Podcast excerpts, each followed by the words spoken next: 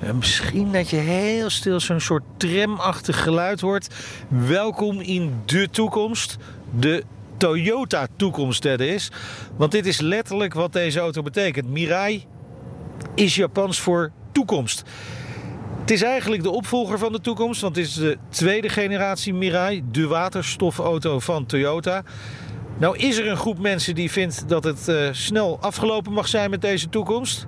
Omdat rijden op waterstof geen toekomst heeft, volgens deze groep. Belangrijkste argumenten daarvoor zijn dat het uh, inefficiënt is om op waterstof te rijden. Dat het maken van waterstof heel veel energie kost. En dat verreweg de meeste waterstof nu nog gemaakt wordt met fossiele brandstoffen. Dus er komt CO2 bij vrij.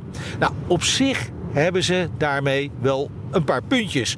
En toch en toch is het goed dat er merken zijn die hier nog altijd op blijven inzetten. Het zijn er niet veel, toegegeven, drie om precies te zijn. Toyota, Hyundai en Mercedes. Ja, dat zijn toch bepaald geen kleine jongens. Het zijn ook wel een beetje de argumenten van het heden om een potentieel veelbelovende technologie voor de toekomst gelijk maar af te fakkelen. Ja, het is niet erg efficiënt om elektriciteit om te zetten in waterstof, om het vervolgens weer in die auto om te zetten in elektriciteit. want zo werkt dus die waterstofauto. Je pompt de tank vol met waterstof. Dat gaat naar de brandstofcel waar het wordt samengebracht met zuurstof. En voilà, dan krijg je water en elektriciteit. Nou, die laatste gebruikt de elektromotor voor de aandrijving van in dit geval de achterwielen. En daar komen dus geen schadelijke stoffen bij vrij. En uit de uitlaat komt slechts wat water. Wat er wel gebeurt is dat bij elke omzetting van elektriciteit naar waterstof en vervolgens weer naar elektriciteit energie verloren gaat. En dat is natuurlijk op zich zonde. Toch heeft waterstof ook wel een aantal voordelen. Het is relatief makkelijk op te slaan en te vervoeren naar bijvoorbeeld een tankstation.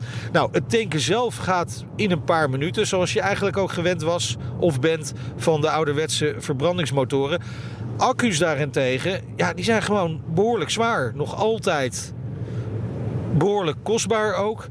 En aan slijtage onderhevig. Nou, op den duur gaat de capaciteit van die batterijen gewoon omlaag.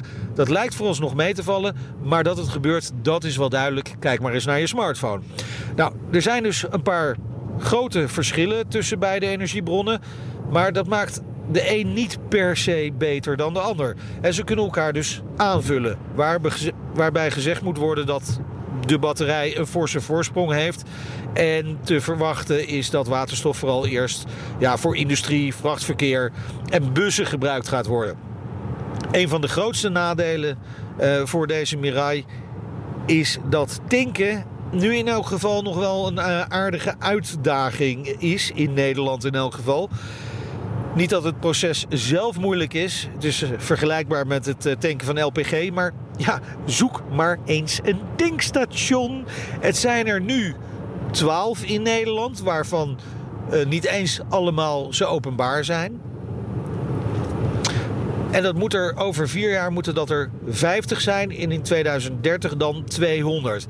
Nou is de uitrol van waterstoftankstations ons al veel eerder beloofd. En ten opzichte van Duitsland bijvoorbeeld lopen we onwaarschijnlijk ver achter. Maar er lijkt nu wel echt wel vaart achter te komen. En zoals gezegd, in Duitsland zijn ze echt al wel stappen verder daarmee. Nou, om twijfelaars over de streep te trekken, heeft Toyota ook een heuse tankservice opgetuigd.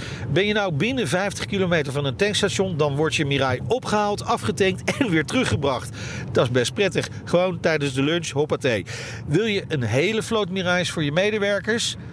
Dan kun je ook nog een eigen tankstation op de parkeerplaats bij kantoor laten zetten. Vulsnelheid gaat dan wel naar 50 minuten. Kun je dus inderdaad tijdens een vergadering het autootje laten vullen. Lijkt me wel allemaal wat ingewikkelder dan een paar laadpalen plaatsen. Maar ja, je rijdt wel met je hele werk in de toekomst. Haha. Misschien ook goed om nog even het over de auto zelf te hebben. Hè. Uh, het eerste dat opvalt is dat deze Mirai een stukje breder, uh, lager en vooral een stuk langer is dan de vorige. En dat hij er veel, maar dan ook veel beter uitziet dan de vorige. Nou, hij is sowieso 5 meter lang, lel van de auto. Staat dan ook op hetzelfde platform als de Lexus LS. En dat geeft hem echt wel een hele strakke uitstraling. Hè? Vooral van de zijkant en van achteren. De neus is wat minder spannend. En die grill, ja, het lijkt een beetje op de bek van een walvis. Met uh, baleinen die het uh, kril uit de zee haalt. Hier zijn de baleinen alleen dan uh, horizontaal geplaatst in plaats van verticaal. Hij heeft natuurlijk ook gewoon zuurstof nodig voor die brandstofcel. Nou, doordat een groot deel van de aandrijftechniek onder de motorkap is geplaatst, heeft hij echt een schitterend lange neus gekregen. Dat is de buitenkant, ook een mooi, fijn, opvallend blauw kleurtje. Van de binnenkant heeft de Mirai niet echt die afwerking die je van Lexus zou verwachten. Maar ja, dit is dan ook een Toyota. Hè? Alles is aanwezig, maar de materialen zijn net even van een wat mindere kwaliteit. En geen premium uitslag. Toch best wel een hoop hard plastic. Maar goed, op die manier houden ze de Mirai ook wel weer betaalbaar. En dat is die voor een auto met zulke moderne techniek ook wel echt. Rijden doet de Mirai zoals je van een uh, elektrische auto mag verwachten. Hè? Want uiteindelijk is het gewoon een elektrische auto, alleen dan op waterstof. Hij is vooral heel erg stil. Ja, en hoewel die er ook best wel snel uitziet, is hij dat niet echt. Van 0 tot 100 gaat hij in 9 seconden. En de top ligt bij 175 km per uur. Nou, als je geen zin op hebt om uh, van veel station naar veel station te rijden, dan uh, ga je die top zeker niet halen. En dan ben je continu bezig met tanken. Het vergt enige beheersing van de rechtervoet om in de buurt van de beloofde actieradius te komen. Volgens de boekjes gaat het om 650 kilometer op een volle tank. Dat is 30% meer trouwens dan de vorige Mirai. Maar je kunt er ook wel weer wat van aftrekken. 500 kilometer op een volle tank is te halen, mits je echt rustig aandoet. Hè? Een volle tank betekent overigens 5,6 kilo waterstof. Je tankt dus in kilo's, kost je ongeveer 60 euro. Nou, dat is best aantrekkelijk voor de portemonnee. De vraagprijs van de Mirai ligt op 66.000 euro, net iets eronder. Voordeel ten opzichte van batterij-elektrische auto's is dat je bij waterstofauto's bijtellingsvoordeel hebt over het volledige bedrag. Dus die cap van 40.000 euro is er niet. Dat is ook weer aantrekkelijk voor de portemonnee. Minder aantrekkelijk vind ik zelf toch het rijgedrag. Het is heel comfortabel, maar wat mij betreft misschien iets te comfortabel.